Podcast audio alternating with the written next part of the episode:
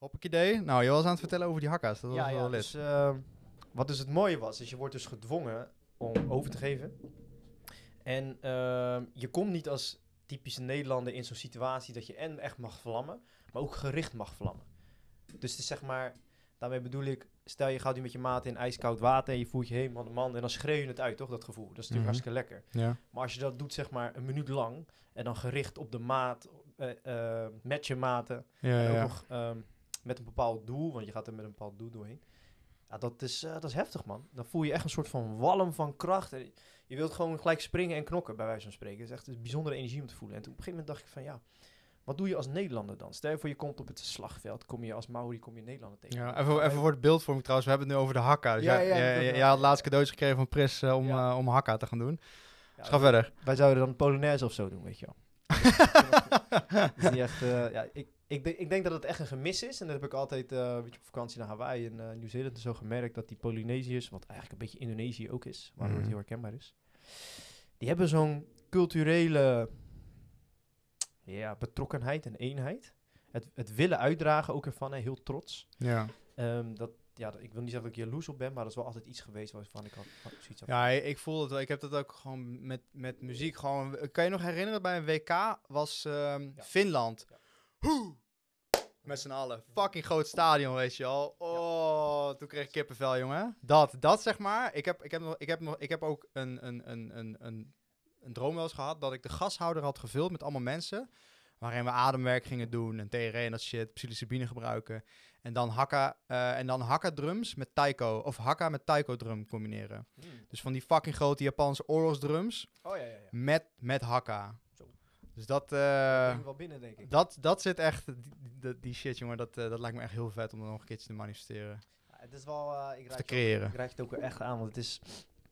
Van, van de buitenkant kan je natuurlijk eh, zien en dan vind je het gaaf en dan denk je het te begrijpen. Maar op een gegeven moment als je erachter komt waar ook de woorden vandaan komen en de bewegingen en zo, Hmm. dan, eh, dan raak je echt in het verhaal meegezogen. Mhm. En ehm, ja, nogmaals, dat stukje eenheid en, en broederschap en ehm, toch dat gevoel ergens bij te horen. En dan met z'n allen dat knallen. Want op een gegeven moment moesten we ook tegenover elkaar gaan staan, weet je wel. En dan, eh, dan moet je echt naar elkaar kijken. Dus je hebt twee rijen, moest je tegenover de spiegel staan. Daarna moest je naar je maat gaan kijken. Maar je moet het menen. In het begin denk je een beetje lacherig erover. Maar als je erin zit, dan zie je aan iedereen naast je dat iedereen een soort ander luikje opent Mhm. van een eh, deel van hun karakter die je nog niet eerder hebt gezien. Want je kan, iedereen kan boos of angstaanjagend kijken, maar het is anders als je echt... Als, Als je echt erin stapt, in de emotie stapt van dat wat je aan het uitdragen ja, bent. man, ja, ja, ja, Ja. dat is magisch. Ik denk dat het wel bijna therapeutisch is ook hoor. Ja, zeker. Ik, ik, ik moet nu ook gewoon denken aan, aan business waar we het net hadden. Als je als je, je dienst verkoopt, Ja. meen je het dan? Ja, ja, geloof je het zelf? Kun je, kun je jezelf de dienst verkopen? Ja, precies. Of twijfel je stiekem nog ergens? Dat is wel bijzonder hè. Want als- je dat niet zou geloven, dan gaat die klant natuurlijk ook nooit kunnen accepteren als jij dan niet in gelooft. Maar we gaan dus over gezondheid praten, Matthijs. Gaan we over gezondheid Ja, praten? man. Jezus, Waarschijnlijk man. wel, ja. Saai, man. Weer over gezondheid praten. Zijn we niet een keertje uitgepraat over gezondheid? Ik denk het niet. we, gaan, we, gaan het, we gaan het proberen in ieder geval. Nee, Maar, ik ben, eh, ik ben natuurlijk al een paar keer bij jou te gast geweest. En eh, altijd... Eén keertje gelukt. Eén keertje gelukt. Ja, hebben, we niet een keer, hebben we niet een keer nog ergens anders gedaan? Ja, we hebben, ja, we hebben ook een keertje met Thomas en Ricardo. eh, eh, Die? Die, ja, die, ja, die, die. die hebben we nooit gepubliceerd. Dat is wel jammer. Dat, dat lijkt me nog wel vet om een keertje te doen. Ja, die ging echt helemaal mis. Die moeten gewoon herkansen een keertje in de video. Ja, zeker. Maar dus nu, eh, ja, meestal sta jij achter de techniek en zo. Net ook toch maar weer eventjes eh, dingen geregeld. Maar eh, nu niet. Nu gaan we het even omdraaien. Ja. Ehm, het leek mij leuk om jouw reis eventjes in kaart te brengen. Dus de mensen die zeg maar de laatste maand, drie maanden, zes maanden, de laatste jaar op jouw pagina's terecht zijn gekomen, op je socials. Die hebben niet per se gezien hoe je bent gestart. Mhm. En ik denk dat het wel een mooie, een mooie is om te delen. Ook als een voorbeeld dat wat ik altijd probeer uit te leggen aan mensen is. En mijn stagiaires die bijvoorbeeld geen visio-achtergrond hebben, dat als je leert hoe je moet denken, dat je al snel in staat kan zijn om problemen op te kunnen lossen. En als je daarin ja, kilometers maakt, word je vanzelf competent. Heb je niet per se een eh, specifieke opleiding of diploma voor nodig. Mhm. Dus ik dacht, eh, laten we daarmee aftrappen. Kan je met ons delen, met onze luisteraars en kijkers delen? Ehm, gewoon bij het begin. Hoe was, het, hoe was jouw omslag ontstaan om uiteindelijk de, de ik zoek het woord, hulpverlener te worden die je nu bent? Nou, voorheen deed ik het verhaal en begon dat bij de knieblessure, zeg maar. Op mijn 19 of zo stapte ik in een gat, klapte mijn knie naar achteren. Eh, 14 fysio's gezien, twee gyro's, podo, knieoperatie, bla bla bla. Allemaal kommer en kwel. Eh, vijf jaar, zes jaar lang eigenlijk in, in de shit gezeten. Gewoon chronische lage rugpijn, chronische elleboogpijn, chronische kaakpijn, chronische kniepijn, eh, kaakpijn. Het was echt gewoon... Op een gegeven moment, het laatste jaar was ik gewoon een wandelende zak stront. Ik kon echt helemaal niks meer. En ik heb in, in het begin altijd alles bij het fysieke gezocht. Dus, hè, dus eh, de pijn is fysiek, dus ik beweeg verkeerd. Ik eet verkeerd of zo. Maar ik dacht dat ik gezond at, want ik deed voeding en diëtetiek. Dus ik dacht dat ik het allemaal wel begreep. De opleiding, ja. Ook al was het al hevig eh, gefundeerd door Unilever en dat soort shit. Dus Ja. eh, zes keer per dag eten, brood, brood for life. Eh ja, ja, cool. dat is shit, jongen. Oh, En ik werkte ook in het ziekenhuis als voedingsassistent. Dus ik gaf mensen ook die, die shit, weet je wel, witte boterhammen met, eh, met chocoladepasta. En eh, ja, gewoon, gewoon die mensen liggen half dood te gaan, weet je wel. Ja, dan, dan helpt dat hompje zaadolie wel. Precies, ja, ja zeker. Ehm, ja, het, omslagpunt is toen gekomen. nou, een aantal vele sessies in de sauna.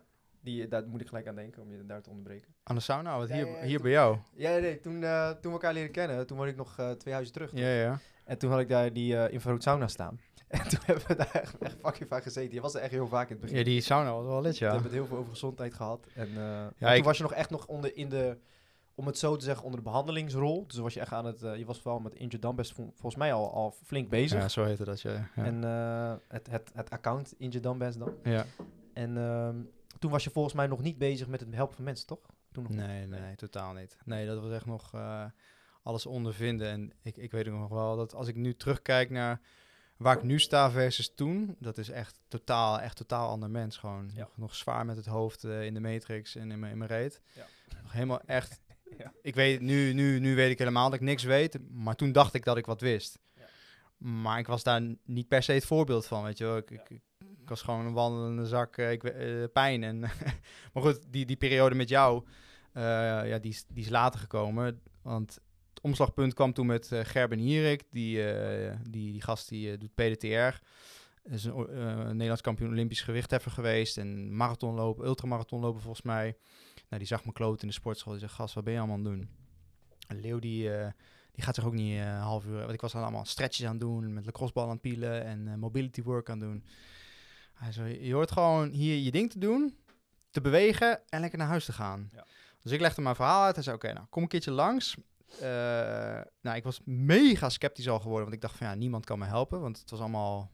Het werkte allemaal niet. En dat geloofde die ook. En dat geloofde ik ook. Dat was, eh, dat was mijn realiteit geworden. Ehm, nou ja, toen in die sessie wist hij binnen twee uur tijd mijn, eh, mijn links weer aan te zetten. Waardoor ik in één keer weer balans voelde. En weer in één keer mijn gewicht op links kon dragen. Want dat kon jarenlang niet fatsoenlijk. Ik, ik zwikte heel vaak door mijn been heen.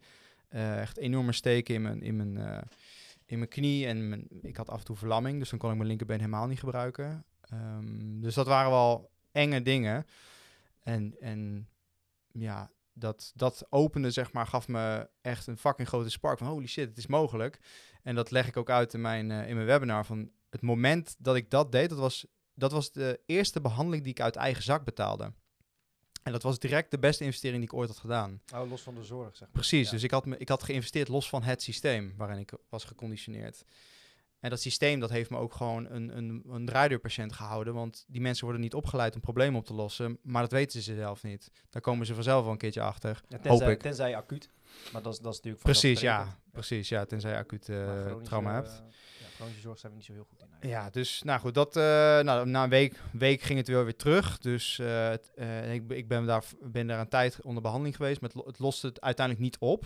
Ehm, maar het gaf wel die spark. Nou, toen ben ik lang weekend bij Wim Hof geweest met depre- depressie weggeademd.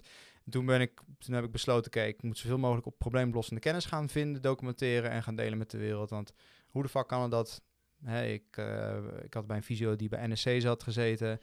Fysio's die le- eh, lesgeven op de Hogeschool van Arnhem en Nijmegen, die allemaal echt zo'n fucking cv hebben van heb ik jou daar. Eh, ja, die allemaal super kortzichtig en, en reductionistisch kijken naar de mens en het bewegen. En, en dat deed ik toen onder de naam Injured Dumbass. Niet wetende dat ik daarmee ook mijn eigen doem aan het eh, creëren Ja. was. Ja, nou, dat is wel leuk om dadelijk misschien op in te haken waarom Ja. dat zo werkt. Ja, nou goed, dat is dus... ja, nu, nu, nu, we zijn nu inmiddels bijna elf jaar verder. En ehm, nou ja, op dat pad... Ik, ik heb, ja... Uitge uit, ik heb ruzie gemaakt met, eh, met Naudi bijvoorbeeld. eh, eh, ehm, met wel meer, meerdere therapeuten. Ehm, maar goed, inmiddels, inmiddels heb ik geleerd dat het allemaal veel groter is. En het is allemaal de weerspiegeling van de innerlijke wereld en vice versa. En als je Ja, jezelf zo noemt, ja, dan creëer je een realiteit waarin je dat bent. Dat, dat- daarom is zo'n label als fysiotherapeut zo killing. Ja. Want je schermt eigenlijk de hele realiteit af en je zegt ik ben in plaats van ik doe.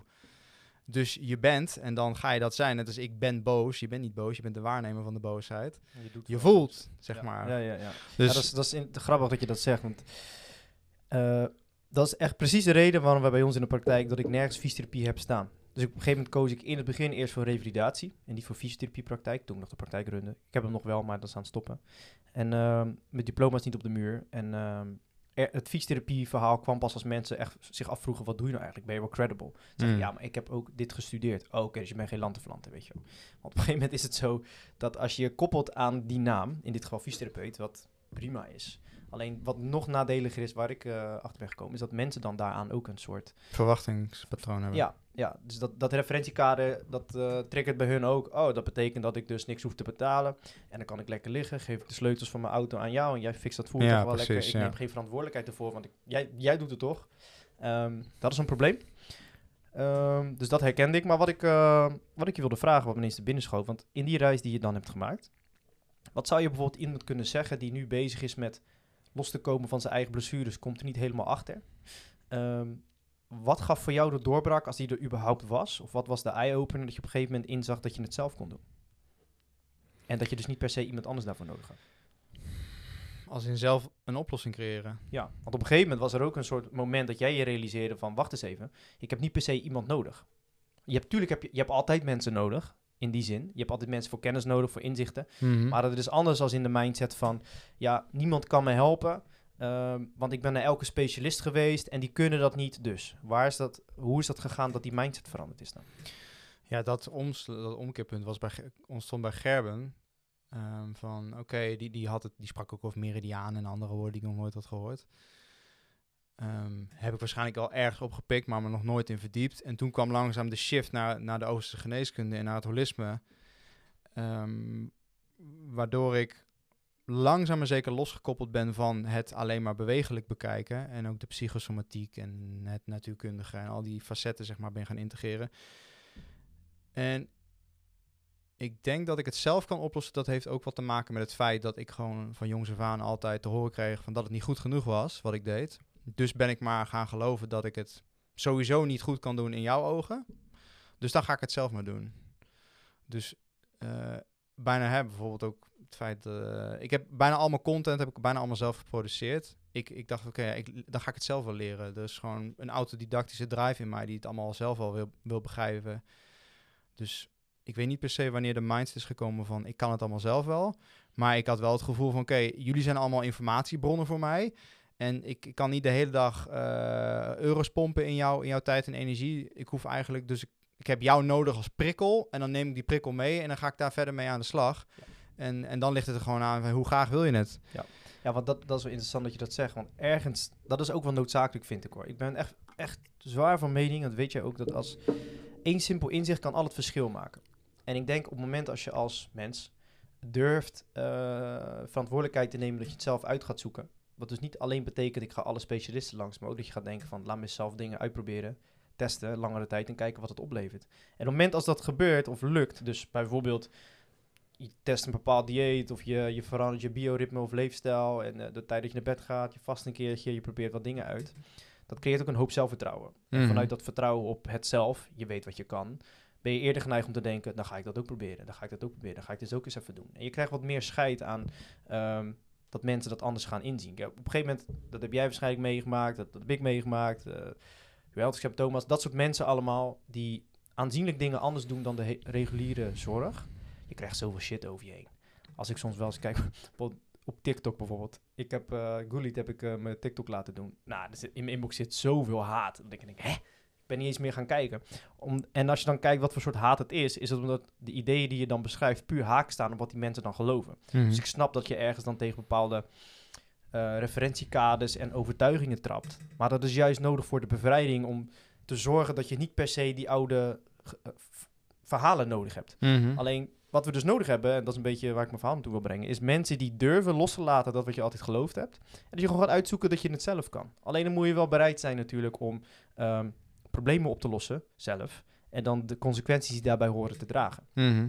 Ik denk dat ook wel het meest herkenbare is bij jouw werk, bij mijn werk. ehm, waar heel veel mensen, laten we zeggen protocolair, want dat is een beetje mijn ergernis altijd van de fysiotherapie geweest, het protocol. En die zijn niet per se nutteloos, alleen je kan jezelf verstoppen achter protocollen. Je kan je incompetentie verstoppen achter de regels volgen. Want ik heb de regels gevolgd, dus ik deed het goed. Dus dat jij nu niet van je problemen af bent, is niet mijn schuld. Mhm. Waar volgens mij jij en wij en andere mensen op hun eigen manier, met hun eigen toolbox, eigenlijk de complexiteit van de casus en de cliënt op zich nemen. En dan gaan zitten van, ik weet het nog niet, maar laten we eens even uitzoeken hoe dit kan. Laten we eens even de tijd nemen. Durf je dat met mij aan? Ja. En dat is waar je denk ik op het punt gaat komen van, oké, we gaan nu problemen oplossen. Alleen heel veel mensen zijn zo geconditioneerd dat dat niet normaal is, want ik geef toch geld? Mhm. Dus dan moet jij het toch oplossen voor mij? Nee, dan ga ik niet met jou die hele rit aan. Ehm, dus dat is denk ik wat we nodig hebben gezamenlijk, dat mensen dat echt durven. Dat inderdaad, dus, dus dat ontdoen van je conditionering is gewoon echt killing. Weet je, de matrix die zuigt je er weer in van eh, al die weerstand van ja, het anders doen dan, dan het collectief. En we zijn volgens vo- zowel als Rudolf Steiner en als eh, Human Design zijn we zeg maar een switch aan het maken van het collectieve eh, in- bewustzijn naar een individualistisch bewustzijn. Dus er zijn mensen die individualistisch durven te zijn, die laten nu aan ons zien van hoe het kan om, om gewoon zelf te kiezen wat je wilt en wat je niet wilt. En ja, daar krijg je natuurlijk wel, eh, mijn ouders ook, mijn vader ook, van ja, dat zit, zit het niet tussen je oren. Want als zit, ja, dat klopt. Het zit ook tussen mijn oren, maar het zit ook hier, zeg maar, en, en daar. En dan, ja, dat zijn, dat zijn wel de mensen waar je groot mee bent geworden. Dus het raakt, het raakt in het begin, gaat het heel veel dingen met je, met je doen en raken. En die stukken mag je allemaal gaan aankijken. Want daarom, ik geloof dat je die klachten daarom tot je genomen hebt. Zodat je kan wakker worden en, eh, en het spelletje zeg maar, van bewustzijn kan gaan, gaan leren spelen. Ja. Maar daarvoor heb je dus eerst te ontdoen van al die conditionering, waar je lichaam de weerspiegeling van is. Ehm, en, en zodra je dat gedaan hebt, en dat kan eventjes zijn, maar dan ontstaat vrije wil. Dan kun jij gaan kiezen. En dan word je niet meer gekozen door, door al die shit zeg maar, die je nog aan het dragen bent eh, van de samenleving. Ja, precies. Ik weet natuurlijk al een klein beetje hoe je werkt en ehm, wat een beetje je ingang is. Maar zou je misschien voor de mensen die nieuw zijn nu ehm, kort kunnen beschrijven hoe dan werken met jou er ongeveer uitziet? Nou, jij hebt nog geen sessie eh, ervaren met mij, maar... eh, Wat is het nou één type dienst nu dat je doet? Of zijn het nou... Dat ben ik even, is me even niet helder. Nou ja, goed, ik, heb, ik, kijk, ik geef eh, workshops. Ik heb een academy waarin ik gewoon mensen de kennis geef, zeg maar. Van hier, dit is het. Ga het maar ervaren, ga het maar doen, ga maar bestuderen. Want ik heb, ik, dat is niet mijn ding. Ik hou er niet van om iemand echt bij het handje te pakken. Ik zeg, kijk, dit is de kennis. Zo heb ik het gedaan. Eh, ga het maar leren en stel me vragen als je, als, je, als je hulp nodig hebt. Maar ga het zelf doen. Ja. Eh, en dan stuur ik mensen naar Thomas. Van hier heb je een zwaargewicht in natuurkunde. Ja. Als je vragen hebt, ga maar, ga maar met Thomas spelen. Als, Ja. je, als je wilt leren bewegen en FI wilt leren, ga maar naar Jean toe. Ehm, Maar dan je één op één trajecten dan eh, voornamelijk. Want hoe ziet dat er nu uit, zeg maar? Dit- nou, ik heb, ik heb het nu ongeveer zo onderverdeeld. Dus als mensen nu een, een, een proefsessie komen ervaren, nou dat kost x bedrag. Dan komen mensen een halve dag met mij, eh, eh, gaan ze met mij aan de slag. Dan eerst geef ik, doe ik een intake eh, document, laat ik ze invullen. Dat is gebaseerd op het voor doktersmodel van Paul Check. Dus dan krijg Oh ik inzicht op stress, slaapwaak, cyclus, dieet, voed- de voeding, wat hun voeding heeft gegeten, schimmels en parasieten, hun, hun droom of nachtmerrie. En je leeft altijd onbewust naar iets toe. En Precies. Ja, hoe ze hun eh, seksualiteit beoordelen, hun, hun financiële situatie, hun missie. Hun, Wanneer ze het voor het eh, laatst hebben gedanst gelachen? ja, ja, wanneer... ook die onder- onder- Ja, ja, dat, dat, eh, the day you stop dancing, the day you stop singing, the day you stop laughing, the day you stop enjoying stories, the day you stop missing the awe of life, that's the day you start feeling ja, ja, ja. Dat is zo'n eh, zo'n uitspraak, ja, zo'n shamanistische uitspraak. Een legend ook, hè, die. Zeker, machine. En dan, eh, nou, dan komen ze in de praktijk. Dan eh, ga ik zitten en dan leg ik eigenlijk het intake-document aan de kant. En dan ga ik gewoon luisteren en kijken. En als ik ze een tijdje heb laten praten, begin ik met het maken van een tijdlijn van geboorte tot nu. En dan gaan we al hun klachten, zeg maar, prioriseren. Dus van 1 ultra kut naar bijvoorbeeld 10 eh, eh, suboptimaal, maar nog steeds niet per se heel erg relaxed. Niet, niet blij met het. Dus het kan zijn, nou, ik heb chronisch lage rugpijn. Ehm, ik trek de hele tijd eh, toxische, toxische partners aan. Eh, ik had eh, vorige week een neuroloog die, eh, die trok de hete de dood aan. Hm. Die had een, een vriendje verloren op zijn zevende. En ehm, eh, twee jaar later kreeg hij weer een nieuwe beste vriend. Die overleed in hetzelfde jaar. En zo, zo de, de dood bleef hem maar achter, achter, achterna zitten, zeg maar. En nou, dan hebben we dat op een gegeven moment neergezet. Kijk, zodra iemand binnenkomt lopen, ik, ik lees gelaat, ik lees postuur, ik lees de stem. Of ik, ik, ik doorzie, eh, soms dan zie ik ook aura's. En als ik me lang genoeg focus op jouw derde oog, kan ik achter jouw fysiek kijken. Dus dan zie ik gewoon energieën, zeg maar, verschijnen. En meestal zie ik al wat er aan de hand is. En hoor ik al aan de woorden die mensen gebruiken van... oké, hier zit wat, daar zit wat. Daar stoppen ze met ademen. Mensen stoppen vaak nanoseconden met ademen... als, je, als ze iets niet willen voelen. Gaan jeuken, knijpen. Jeuken, dat soort shit, zeg Mhm. maar. En het is gewoon de kunst om iemand dat te laten zien. Ja. Dus ik zie het al en dan is nog mijn taak om hen dat te laten zien. Ja, dat, ze, dat ze wat ze aan het doen zijn zelf gecreëerd hebben. Ja. En dat daar lessen in zitten ehm, die ze mogen gaan leren en gaan loslaten. We hebben die tijdlijn gemaakt. Nou, dan, zie je al vaak, oké, dan bijvoorbeeld, nou, hier ging er iemand dood. Oké, wat, gebeurde er, wat gebeurde er verder in deze tijdsperiode dat je deze klachten kreeg? Nou, dan, gebeur, dan zie je dat soort dingen. Op een gegeven moment zie je een linkje ontstaan. En ik werk onder andere met de Sedona-methode. Daarin zitten een x-aantal basisbehoeftes onder, eh, zoals controle, veiligheid, goedkeuring en erkenning, eh, verbinding en uniek zijn. En als iemand bijvoorbeeld dan, hè, papa die eh snauwt je af of die je zegt, kijk eens papa, wat een mooie tekening. en dan zegt papa, oh ja, maar heb je, heb je mijn tekening al gezien? Deze is veel vetter, weet je wel. ja. Dat soort shit. Nou, dan kind, blub, nou, Mag er niet zijn. mag er niet zijn. Geloof dat shit. voel, ervaart een tekort aan erkenning bijvoorbeeld, een verbinding. Verkrampt. Dus daar begint het spelletje al van het fysiek, wat zich verkrampt. Zuurstoftekort. Ja. En door de verkramping krijg je zuurte- zuurstoftekort, eh, gaat het water eh, minder lekker... De cel in. Nou ja, Ja. Je, je kent dat verhaal verder Ja, wel. dus dat is, dat, ik vind dat het even leuk om te benadrukken. Want vaak, als wij het over emoties hebben, eh sorry dat ik je dat onderbreek hoor, maar de meeste luisteraars van ons zijn een beetje bio, biomechanisch natuurlijk eh, geïnteresseerd. Op het moment dat bepaalde onderliggende emoties, trauma's of bepaalde overtuigingen die jou, laten we zeggen, in stress of in onvrede behouden, dan heeft dat zijn weerslag op je hormonaal stelsel en je bloedvaatstelsel, omdat je in die fight or flight komt. Dus je kan eigenlijk gewoon emoties linken aan onveiligheid, stress, dus Mhm. minder weefseldoorstroming, dus minder zuurstof in de cel.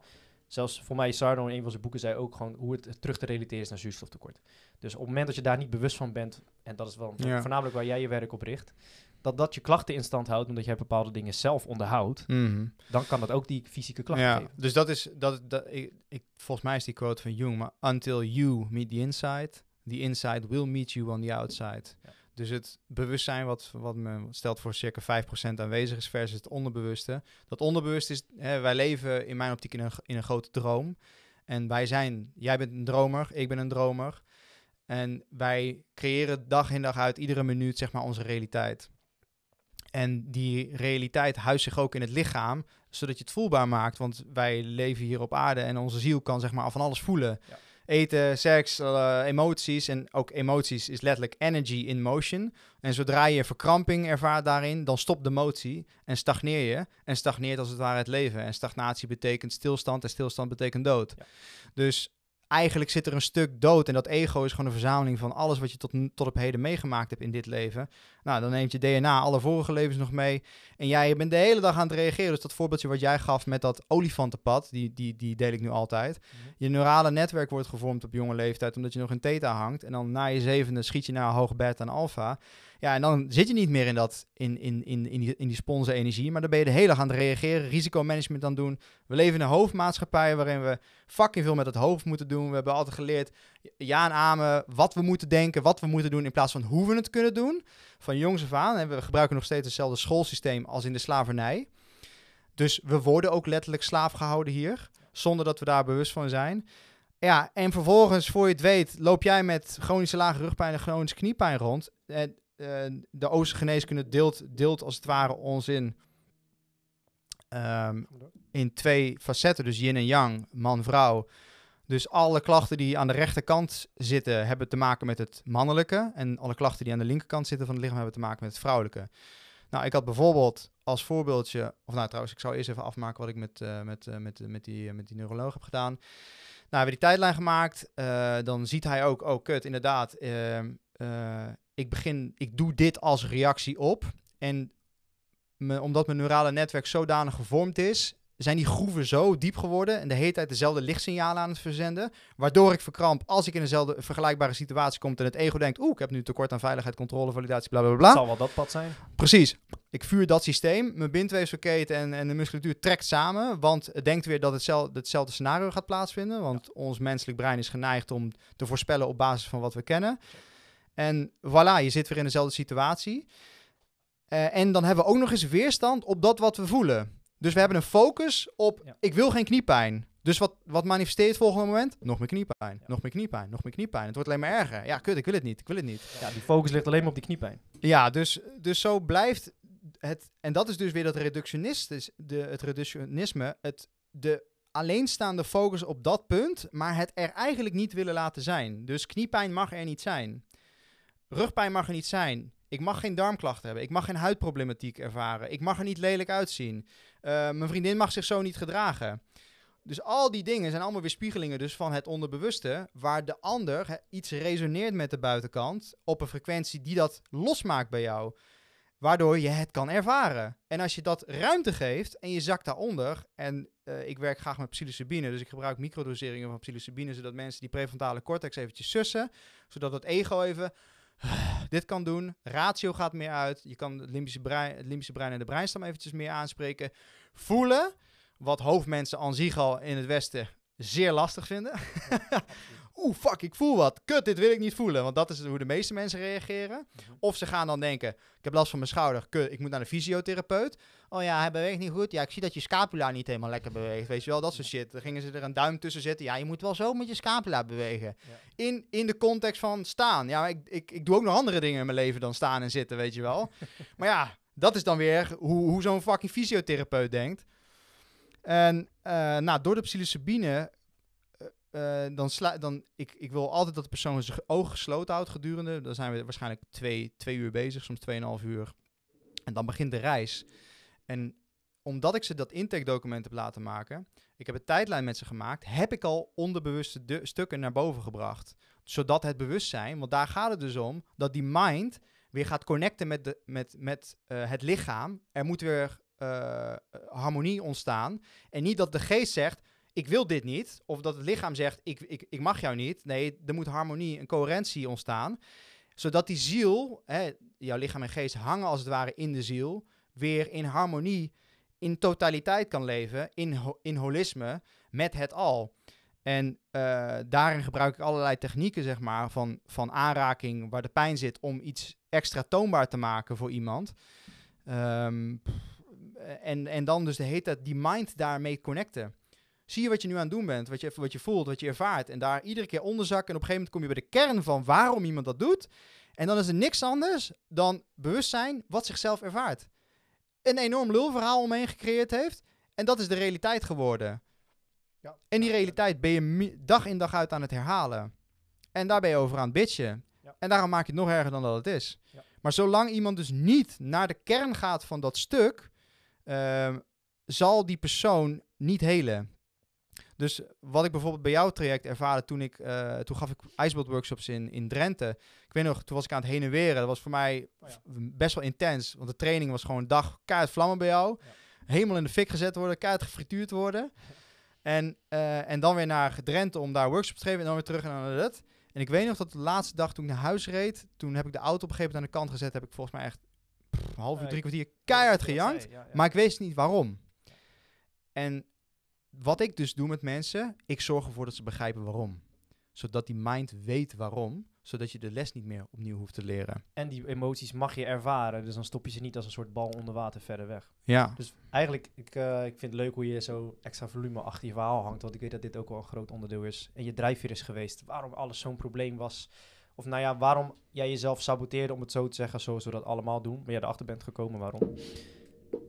Hoe ik het dat bekijk, ben ik het wel met je eens. Dan hangt het echt wel aan een aantal dingen, heel simpel gezegd. Dus enerzijds, er is iets in je vaak tot je zevende levensjaar of daarvoor gebeurt, waardoor je brein is geïnstalleerd op een bepaalde manier om bepaalde bedreigingen snel op te sporen, mocht het nog een keer gebeuren. Hmm. Maar bij ons is het zeker gebeurd in de generaties voor ons, maar ook in mijn eigen leven. Dus dat is één. Je wordt getriggerd via het olifantenpad, want er gaat wellicht weer een onveilige situatie ontstaan. Vervolgens wordt die trigger, vindt die trigger plaats en, het, en de reactie is verkramping of whatever. Dus pijn, dus je mag het niet voelen. Dus dat is al twee problemen die we onbewust in stand houden. Eén, je bent je niet bewust van de triggers die ontstaan en die oneenigheid en onvrede uit je op je buitenwereld en op je lijf. Maar dat wat je in je lijf ervaart, wil je niet voelen. Dus je bent eigenlijk dat al aan het onderhouden. Mhm. En de angst voor dat het weer gaat gebeuren wordt een soort self-fulfilling prophecy. Ja. Waardoor je eigenlijk dat ook weer manifesteert, waardoor het weer opnieuw gebeurt. En dit uitleggen aan mensen is vaak voor, voor de nieuwelingen heel erg, eh, zoals wij dat altijd noemen, hè, hippie butterfly eh, gedoe. Wat klinkt dat heel vaag, maar het is eigenlijk heel hard te maken. research gezien. Omdat je gewoon simpelweg je bloedvaten en je, en je zenuwstelsel eh, overactief maakt. Wat Hmm. uiteindelijk die klachten oplevert. En ik Hmm. denk dat dat zo'n verheldering zou kunnen zijn als men... Ik, heb ik weet niet, zit je met mijn nieuwsbrief toevallig? Of niet? Mm, Nee, volgens Ja, mij mijn laatste nieuwsbrief ook... Jawel, jawel, ik zit er wel in. Ja, die laatste, ik weet niet of je die hebt gelezen, Maar maar... dan weet ik niet, volgens mij zit ik dan met een verkeerde e-mail daarin, eh, want ik... Ik, zal- ik zal straks even kijken.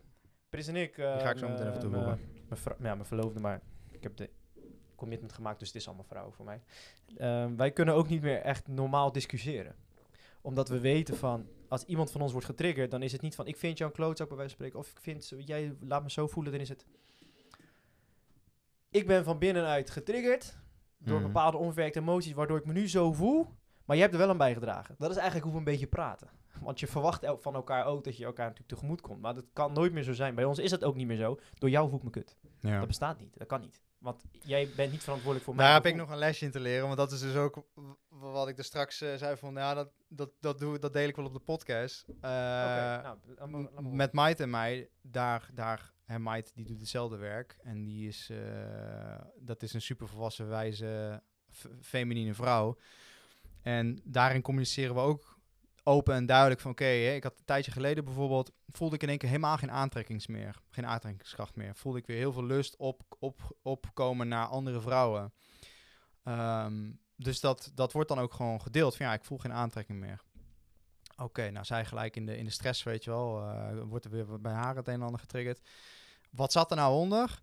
Ik was jaloers op het feit dat zij heel duidelijk we- we- we- weet wat ze wilt en het doet, ondernemend gezien, en ik het niet. Dat ervaarde ik toen.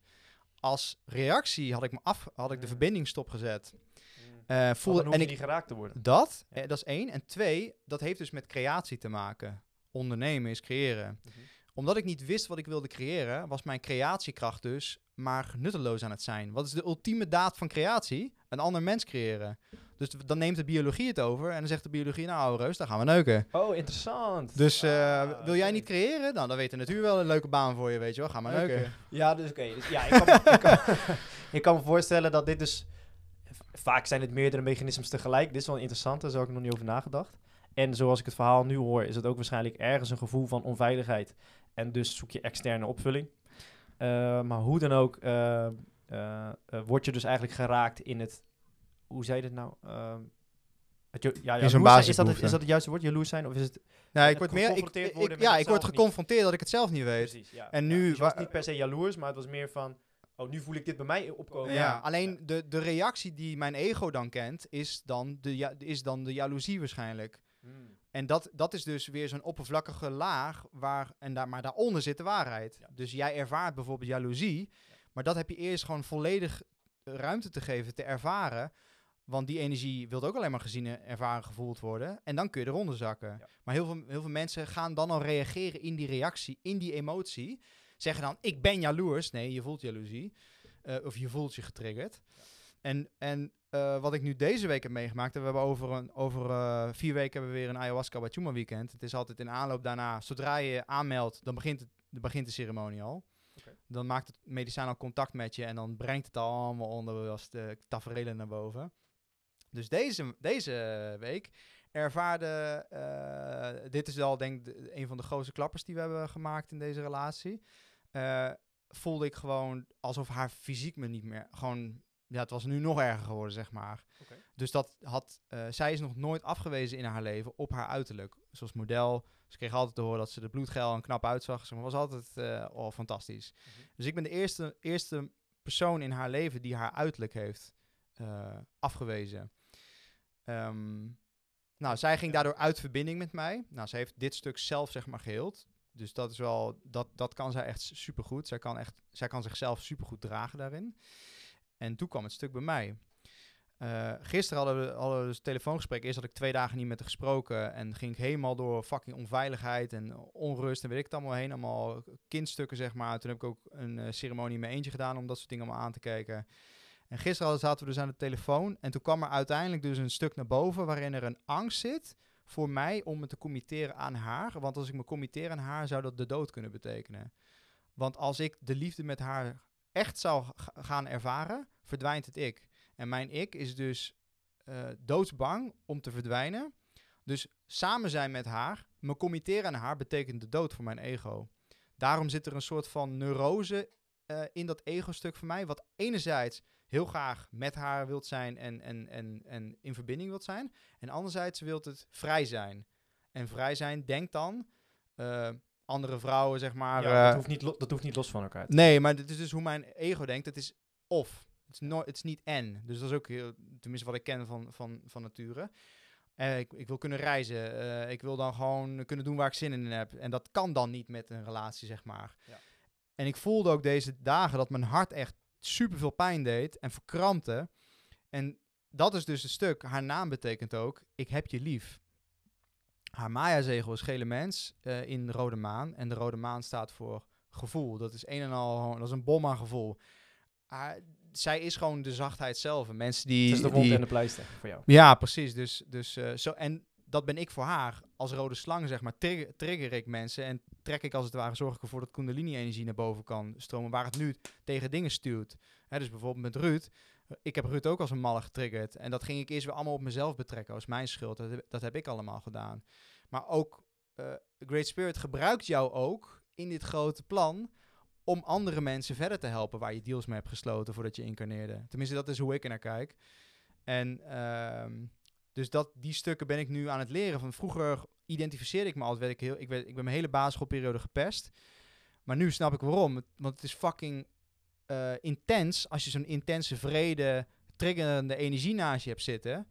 Alleen, ik ontplofte nooit ik, liet me, ik, ik, ik ben me gaan inhouden. Dus al die energie heeft zich naar binnen gekeerd in mij. Nou, dan krijg je jeuk aan je reet. Weet ik veel, huidklachten, pijn hier, pijn daar. Nou ja, zo hebben al die lichaamstukken zeggen wat. Zeg maar, het is niet voor niets dat uh, de last op je schouders dragen van je hart geen moord kan maken. Mm -hmm. dat soort gezegdes zitten ook in de psychosomatiek. En ieder lichaamsdeel representeert iets. Ja. Uh, laatst toen ik een leverdetoxificatie had gedaan, toen kwam er superveel woede en boosheid vrij. Ja, waarom? De, de lever, je zegt ook galspugen.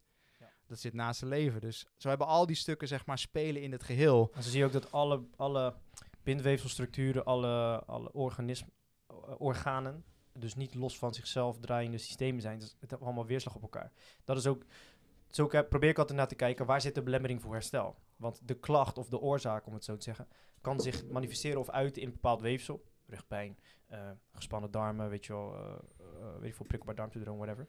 Bij de ene persoon zit de belemmering voor herstel maar meer in de manier hoe ze bewegen. Bij de ander zit hem in emoties, bij ander allebei. Maar soms moet je... Soms komen bij mij mensen op de loopband staan, dan zie ik dat het helemaal naar de kloot is. Maar dan merk ik dat ze zeg maar qua stress en emotie nog zodanig veel werk te doen hebben, dat ik ze eerder afwijs. Want ik zeg, dat is een te grote belemmering voor herstel, te grote gat in de emmer. Om voor Mhm. mij nu aan de slag te gaan met nog iets zwaars voor jou. Ja. Ehm, ik schat nu in dat je daar iets meer mee te doen hebt. En daarna pas kom je naar me terug. Alleen het werkt altijd samen. En het werkt altijd both ways. Dus als iemand, ehm, in welke graad dan ook, dat is mijn overtuiging. Stel iemand heeft eh, onderliggende onverwerkte emoties. En ehm, die langdurige in flight or flight modus status leidt tot verminderde weefseldoorstroming, lage rugpijn. Dan reageert het bindweefsel rondom de rug daar ook op. Zeker. Als we er volgens voor zorgen dat lokaal de rugcellen, even zo gezegd, meer energie maken, meer bloedtoevoer, dat er een walm van zuurstof doorheen komt door juist te bewegen, door roodlichttherapie te gebruiken, wat dan ook, dan kan dat indirect dus ook omgekeerd helpen kalmeren. Mhm. Omdat het olifantenpad beide kanten opwerkt. Ja, en je creëert de opening voor de energie om weer te gaan stromen, zodat het ervaren kan worden. Dus En vanuit die positie, daar, daar wil ik hem nog even afmaken. Vanuit die status, vanuit die stemming, als iemand dus vanuit die raag- lage rugpijn zoiets heeft van oké, het het is gekalmeerd, dan wordt het ook makkelijker om dan die emoties aan te kijken. Dan als iemand bijvoorbeeld met zoveel, stel iemand komt met zoveel stress en trauma en depressie bij de psycholoog, met weinig energie. En die psycholoog wil wel eens met je doen, maar de energie is zo. Dan is het makkelijker, zo behandel ik, ga eerst energie maken. En ga dan die problemen te- eh, aankijken. Mm. Als je merkt dat je rug zodanig ontregelend is, je kan niet eens lopen, je kind optillen. Laten we eerst zorgen dat je wat beter beweegt. Ga dan die emoties aankijken. Vanuit die stemming ben je minder aan het triggeren, omdat de rugpijn ook die emotie kan triggeren en andersom. Make sense? Ja, ja, ja. Dus zo bedoel ik te zeggen, het werkt altijd both ways. Alleen aan ons als hulpverleners in te schatten. Wat is de grootste belemmering voor herstel? Waar gaan we de meeste meters maken als we die als eerst tackelen? Mhm. En dat is ook wel grappig wat je net zei, daar wil ik ook nog op inhaken over je vrouw. En mag, ik, mag ik nog één punt maken? Want ik heb hem dan bijna afgemaakt. Oh, sorry. dus Ja, gisteren tijdens dat gesprek eh, kreeg ik in één keer mega veel pijn in mijn enkel rechts. Oké. En gewoon, ik kon er niet, ik, kon ik, heb, ik heb er ook een paar uur van wakker gelegen. Eh, rechts, enkel, dra de enkel draagt het been. En dit, deze kant is de mannelijke kant. Dus me committeren aan haar feminine liefde. Daarvoor, he- zij daagt me dus uit om, om in mijn volwassen mannelijkheid te gaan staan. En dus helemaal voor mezelf te gaan staan en mezelf dus te dragen. En mijn lichaam reageerde direct met, met pijn, dus een verkramping. Ja, en in overgave te komen naar haar toe, wat zij wel kan. Enorm goed kan. Zij kan het, zij kan het supergoed, maar dat, dat is nog wat ik wil delen. Dus dat eh, laat ik mensen ook ervaren. Jouw lichaam is de hele tijd aan het reageren op wat jij denkt Ja. en wat je zegt. De hele tijd. Ja. Dus je hoeft alleen maar die connectie te gaan leggen en te gaan voelen en dat ruimte te gaan geven. Ja. En inderdaad, dan kun je, eh, eh, ik, ik, doe, ik prioriseer dat. En dan gedurende, een, als ik een traject doe met iemand, dan leert iemand van A tot Z wat jij ook mensen leert. Om zoveel mogelijk energieproductie te stimuleren, zodat je de energie hebt om aanpassingen teweeg te brengen. Want het kost gewoon energie om te veranderen. Duidelijk. Dat was hem.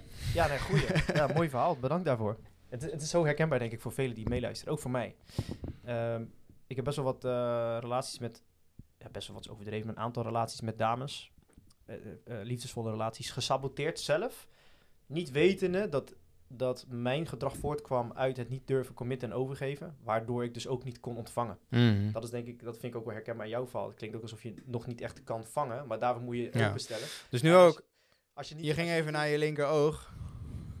Dus je wilde, er is er iets, er is iets met je vrouwelijke kant wat ervan vindt. Oh, 100%. Ja, ik ben ook een sherry mes. Dus ik denk als je goed genoeg kijkt, dan kan je ook dingen van. 100%. Ja, alleen ehm, ja, mijn les daarin is geweest, als je zelf niet kan openstellen en overgeven aan de vrouw in dit geval, dan kan je dus niet liefde goed ontvangen. Want je denkt, als ik mezelf dicht houd onbewust, Mhm. kan ik niet geraakt worden. Maar dan kan je ook niet geraakt worden door die vrouw. Nee. Dat is weer het tweede nadeel. Ik voelde gisteren ook heel sterk eh, eh, van, ik, ik zei ook tegen haar, eigenlijk, ik, ik, ik weet eigenlijk niet in bepaalde facetten hoe ik man kan zijn voor jou. Ik weet niet wat dat betekent. Ik heb zo'n rolmodel niet ervaren in mijn leven. Dus ik weet, zeg maar, eh, ik heb in ceremonies doorgekregen dat ik weet dat jij me kan openen. Maar dat betekent dus dat jij eigenlijk een jonge kat hebt te openen. En niet, niet, een, niet een, een oude leeuw, zeg maar. Hmm. En dat is, dat is ook, we denken, een mooie brug naar de samenleving waarin we leven. Dat gewoon mannen worden gewoon kapot gemaakt Ja. zonder dat ze het weten. Ja. Dus ik stond ook tijdens die ceremonie in mijn een- die, die ik in mijn eentje deed, stond ik ineens op. En ik zit me nu helemaal te verdiepen en het autonomieverhaal te bestuderen. Waarin dus, waarin, maar nu, eh, waarin ik geleerd heb hoe de ziel gevangen wordt gehouden in het systeem op aarde. Dat mannen, als die opstaan, dan, is het, dan, is, dan, dan ontstaat de herfst, man. Ja, ja. ja, maar dan heb je dus wel mannen nodig die risicobereid zijn. Die hebben daar, daar is voor voorwaardelijk een bepaald hormoonpaneel. Laten we even testosteron nemen, dan maak je risicobereid. Ik geef altijd hetzelfde flauwe voorbeeld, toch? Waar ik naartoe ga? Die gast die pakken die kano, Ja, ja, ja. twee kippen, Even hakka's klappen en en dan... hakkers eh, klappen. Hé, laten we gaan. En dan, ja. zeg maar, testosteron zegt, eh, heel kort gezegd... eh, ik neem het risico, ik ben bereid daartoe, ik durf knopen door te hakken. En dopamine zegt, ik kijk uit naar de dag van morgen. Wat is voorbij de horizon? Mijn Ja, mannen ja. willen erop uit. Daar is dopamine onder andere voor nodig. Dus als je als man wordt aangevallen door je, je, je huis... Hoe zeg je dat? Je, je luchtjes, je geurtjes, je deeuwtjes, je aftershaves, je... Parfum, tandpasta, je, ontregelde je, je kut, wasmiddel, je, je telefoon, eh, Alle kanten word je media, aangevallen. bla bla bla. Dus als jij meer... En dat is dan een vervelend onderwerp om vaak aan de kaak te stellen. Maar als je dus als man meer vegan wordt, dan ondermijn je dus ook je masculiniteit, hormonaal gezien, lange termijn. En dat betekent ook dat je minder risicobereid wordt. En dat betekent dat de dame, als je dan in relatie zit met een dame en ze merkt dat jij minder risico's neemt, jij staat eerder naast de vrouw of achter haar in termen van, stel je voor, je bent met je dame, maar zij moet de vuil, vuilnis buiten zetten. Zij moet alle vervelende telefoontjes doen. Zij moet alle confronterende gesprekken aan als je in akkefietje zit ergens op straat. En een man doet dat niet. Dan dwing je haar om dus die mannelijke rol op je te nemen die jij niet doet. Dan ontregel je de, de mannelijke, vrouwelijke relatie natuurlijk gezien. Wil niet Mhm. zeggen dat hij niet kan werken. Maar je ontregelt hem, ontregelt hem daarmee. En als dat steeds vaker gebeurt, macro gezien. En er komt een wereldwijde crisis waarbij eigenlijk de mannen zouden moeten opstaan. Mhm. Maar dat gebeurt niet. Dan kan je men makkelijk sturen. Vroeger was het gewoon... We, we kijken iedereen die een military aged male is, die schieten we neer. Of eh, we scheiden de man en de vrouwen. De man die schieten we eerst neer. Maar die zijn risicobereid om altijd hun leven te geven voor de vrouwen en de kinderen. Maar als je mannen geen mannen meer zijn, ja, flex. Mhm. Dan kan je dus je bepaalde doctrinatie, indoctrinatie of propaganda-agenda doorpushen. Want niemand staat meer in de weg. Ja. Dat zijn die jonge mannen, wat is het, eh, tussen de 18 en de 26. Dat zijn je strijders, om het zo te zeggen. Die draaien eh, je maatschappij. Maar die zijn ook de gasten die jong, fit en sterk zijn. Met, met zulke cojones, als het ware. En die staan op. Ehm, daarom is het zo belangrijk om je mannelijkheid te erkennen, hormonaal gezien. Los van de ideeën die je hebt over... eh, Ik vind het zo'n zo'n vervelend onderwerp. Maar los van de ideeën die je hebt over gender of genderidentiteit of seksen. Je hormoonpaneel vraagt als XY of XX chromosoom dragend individu ook een bepaald soort balans. En die gaat vanzelf vertakken in gedragingen die daarbij passen. Dat is wat ik geloof. Gaan we even een hele andere kant op. Maar ehm, als dat in balans is, die vrouwelijke vrouw, mannelijke man, die spreekt natuurlijk altijd vaak over. Ik ben het gewoon helemaal mee eens. En het hoeft niet ehm, over iedereen doorgetrokken te worden. Maar als we dat meer als norm zouden zien. Want dat is het nu niet meer. Als je het nu hebt over traditionele vormen van relaties, is het gelijk raar. Als we het nu hebben over biologisch eten, ben je een soort gezondheidsgekkie. Terwijl twee generaties terug was biologisch eten gewoon eten. Mhm. Weet je wel? Ehm, ik denk dat we dat steeds meer uit het oog verliezen. De definitie voor gezondheid wordt steeds onduidelijker. Dus iedereen kan dat een persoonlijke invulling geven hoe dat voelt. Ja, dit voelt goed voor mij. Ik kijk hoe dit, eh, deze dieetstructuur werkt. Ik kijk hoe deze trainingsmethodiek is. En dan kijk ik hoe het voor mij voelt. Maar jouw gevoel is niet altijd de juiste indicator of voorspeller voor gezondheid, vind ik. Nee, dat komt dus omdat mensen niet meer in staat zijn om fatsoenlijk te voelen. De maar en jouw gevoel ben ik van mening, en daar heb ik met Thomas al vaak over gediscussieerd, is, zeg maar, je gut feeling is een belangrijke om te volgen, maar is ook grotendeels niet van jou, omdat dat een verzameling is geweest van jouw ervaringen. Zo is jouw gut feeling altijd anders niet van mij, om meerdere redenen, waarmee ik wil zeggen, als jouw gut feeling super leidend was geweest, waarom zorgt dat er dan niet voor dat mensen voorkomen dat ze ziek worden? Want het is altijd dat mensen hun gut feeling voelen. Ik wil niet, kijk, het is heel overdreven gezegd, maar als met jouw gut feeling zo goed werkt, waarom voorkomt hij dan niet dat je prikkelbaar darmsyndroom krijgt? Ja, omdat mensen in hun hoofd leven. Precies. Alleen ik denk ook, voor, daar ben ik met je eens. Zodra je, zodra je dit doet wat je nu doet, dan scherm je jezelf ook af voor het al. Nou, ben Want, ben want jij, stel, jij stelt dus, oké, dus de, de producten, hè, de ervaringen die ik heb, heb gehad, de dingen die ik heb gegeten, gedronken, die dus hè, dat mijn darmflora heeft gevormd, dat dirigeert voor, eigenlijk voor met name dus hoe, hoe mijn gut feeling gaat reageren. Nee, nee, nee. dus ik bedoel, bedoel hem anders. Dus ik bedoel meer te zeggen van... Dat waarom mensen zeg maar, in die problemen kunnen komen... is omdat ze letterlijk inderdaad, wat jij zegt, te veel in hun hoofd leven. En dat heeft ook deels te maken met het feit dat ze te weinig kennis hebben... om te weten dat het zo werkt. Dus waar ik naartoe wilde is... men leert niet wat, hoe, een, hoe de keuzes die je maakt... een gevolg zijn van eerdere ervaringen die je hebt gehad. Mhm. En hoe jouw gut feeling onderdrukt kan worden door bepaalde overtuigingen die jou niet in de weg staan of dat je niet weet dat je in je hoofd leeft. Als ik niet weet dat ik in mijn hoofd leef, dan kan ik ook nooit weten dat ik in, in potentie mijn gut feeling onderdruk. Mm, ja. Dus waar ik eigenlijk naartoe wil is, en daarom zeg ik, ik ben het met je eens in het begin. ehm, de, waar leer je wat gezondheid is? En wat is dat dan? Dat is toch een vage definitie. En dus als die definitie niet duidelijk is, kan het ingevuld worden door heel veel peuten, doktoren, whatever, met hun eigen visie. Want dat is natuurlijk ook een, relatief eh, vaag begrip. Mhm. Als we daar geen consensus over krijgen, dan wordt het altijd heel lastig om in te schatten wat nou de oorzaak voor gezondheid is. En we zijn het er beide over eens dat het zijn, zijn basis heeft in energieproductie. Mhm. En die belemmeren of saboteren de energieproductie leidt vaak tot problemen.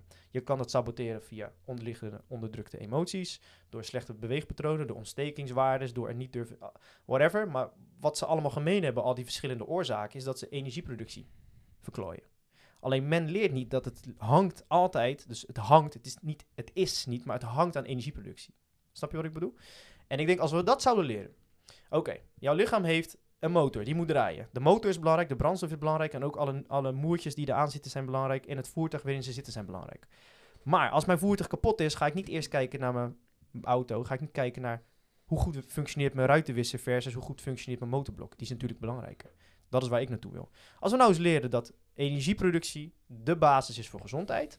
En als je dan gaat uitzoeken, hé, hey, maar hoe is mijn leefstijl, onverwerkte emoties, beweegpatronen ontregelend of juist productief voor dit energieproducerende systeem? Ik hoop niet dat ik echt het te verwarrend maak, maar dat is in mijn optiek waar het in essentie om gaat. Ben jij jezelf meer energie aan het laten produceren of ben je dat aan het eh, verminderen? Mhm. En als het laatste het geval is, komt dat door onverwerkte onderdrukte emoties, waardoor je in een fight-or-flight respons komt. Komt dat door de bepaalde overtuigingen die je hebt, waardoor je jezelf onderdrukt, niet mag voelen, niet mag zijn. Je denkt vanuit je hoofd, waardoor je dus nooit kan flowen. Je, je blijft alles opbouwen van binnen, je triggert jezelf constant. Het gevolg is altijd minder energieproductie. Dus het niet kunnen faciliteren van de juiste processen om bacteriën te vernietigen, om tumoren te bestrijden, om goed te herstellen. Dat, dat vermogen verlies je door het voorgaande. Dus de taak van ons, jou en mij, Is op de knop drukken. is op de knop drukken. en eh, ja, volgens mij, en dat is hoe ik het heb geleerd, zoals ik het ook met je eens ben, eh, hoe meer ik leer, hoe meer ik realiseer dat ik heel weinig weet, ehm, is een ander geven wat mij heeft geheeld, heling voor mezelf. Dat is één. En ik geef men, of ik vertel men wat ik zelf moet horen. En op het moment als dat dus gebeurt, dan heb ik meer vrede met mezelf. Ik begrijp steeds beter hoe energieproductie werkt en dan mag alles er zijn. En dat is een beetje de wizzy-woezy verzameling voor wat we denk ik een beetje ge- samengevat doen. Hmm. Ehm, misschien iets te kort door de bocht. Zou je hem kunnen aanvullen? Nou ja, ik denk dat hè, omdat we hier in een dualistische realiteit leven, wil, er, wil plus en min gewoon kunnen spelen met elkaar. Dus als we die gaan hinderen, dan Ja. ontstaat al het gezeik, zeg maar. En natuurkundig. Grappig Dus dat kun- plus en min. Precies, dat kun je, dat kun je met- metafysisch, dat kun je natuurkundig, dat kun je bijna in welk aspect dan ook zien. Dus Ja.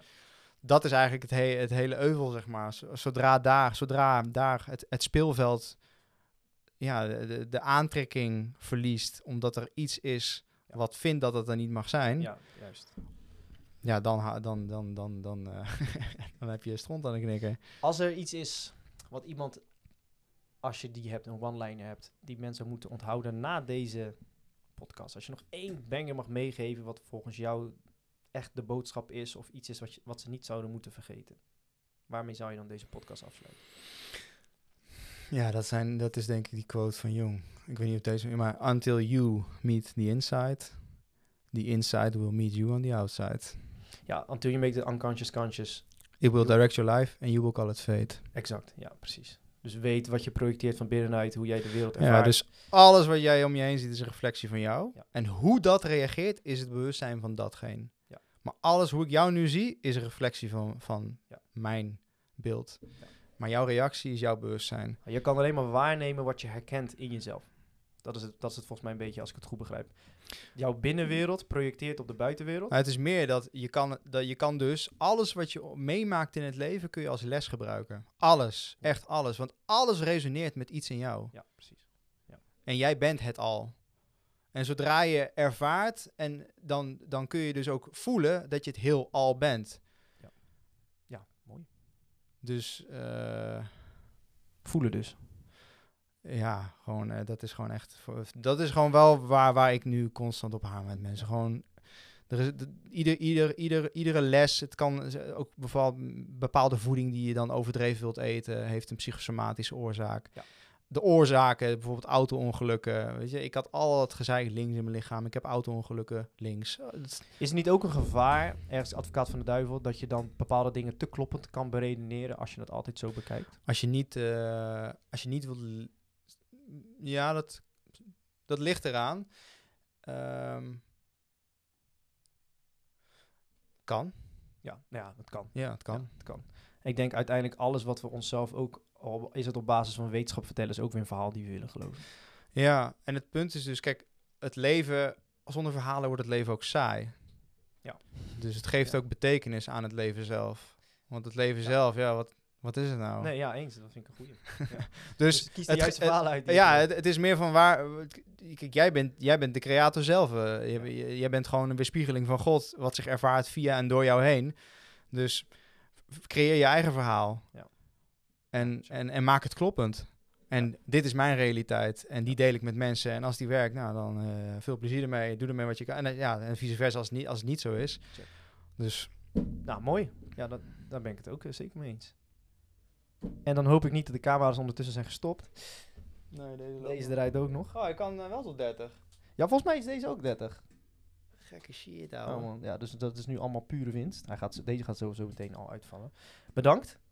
Eh, jij je merkt ook op een gegeven moment dan, eh, dan, dan realiseer ik me dat die klok gaat en dan gaat de flow een beetje uit. denk je, kut, ik moet afronden. Maar eigenlijk ben je zo weer twee, drie uur verder als we die belemmering niet hadden. Dus eh, Mm. wellicht dat we een keertje overdoen in een andere setting.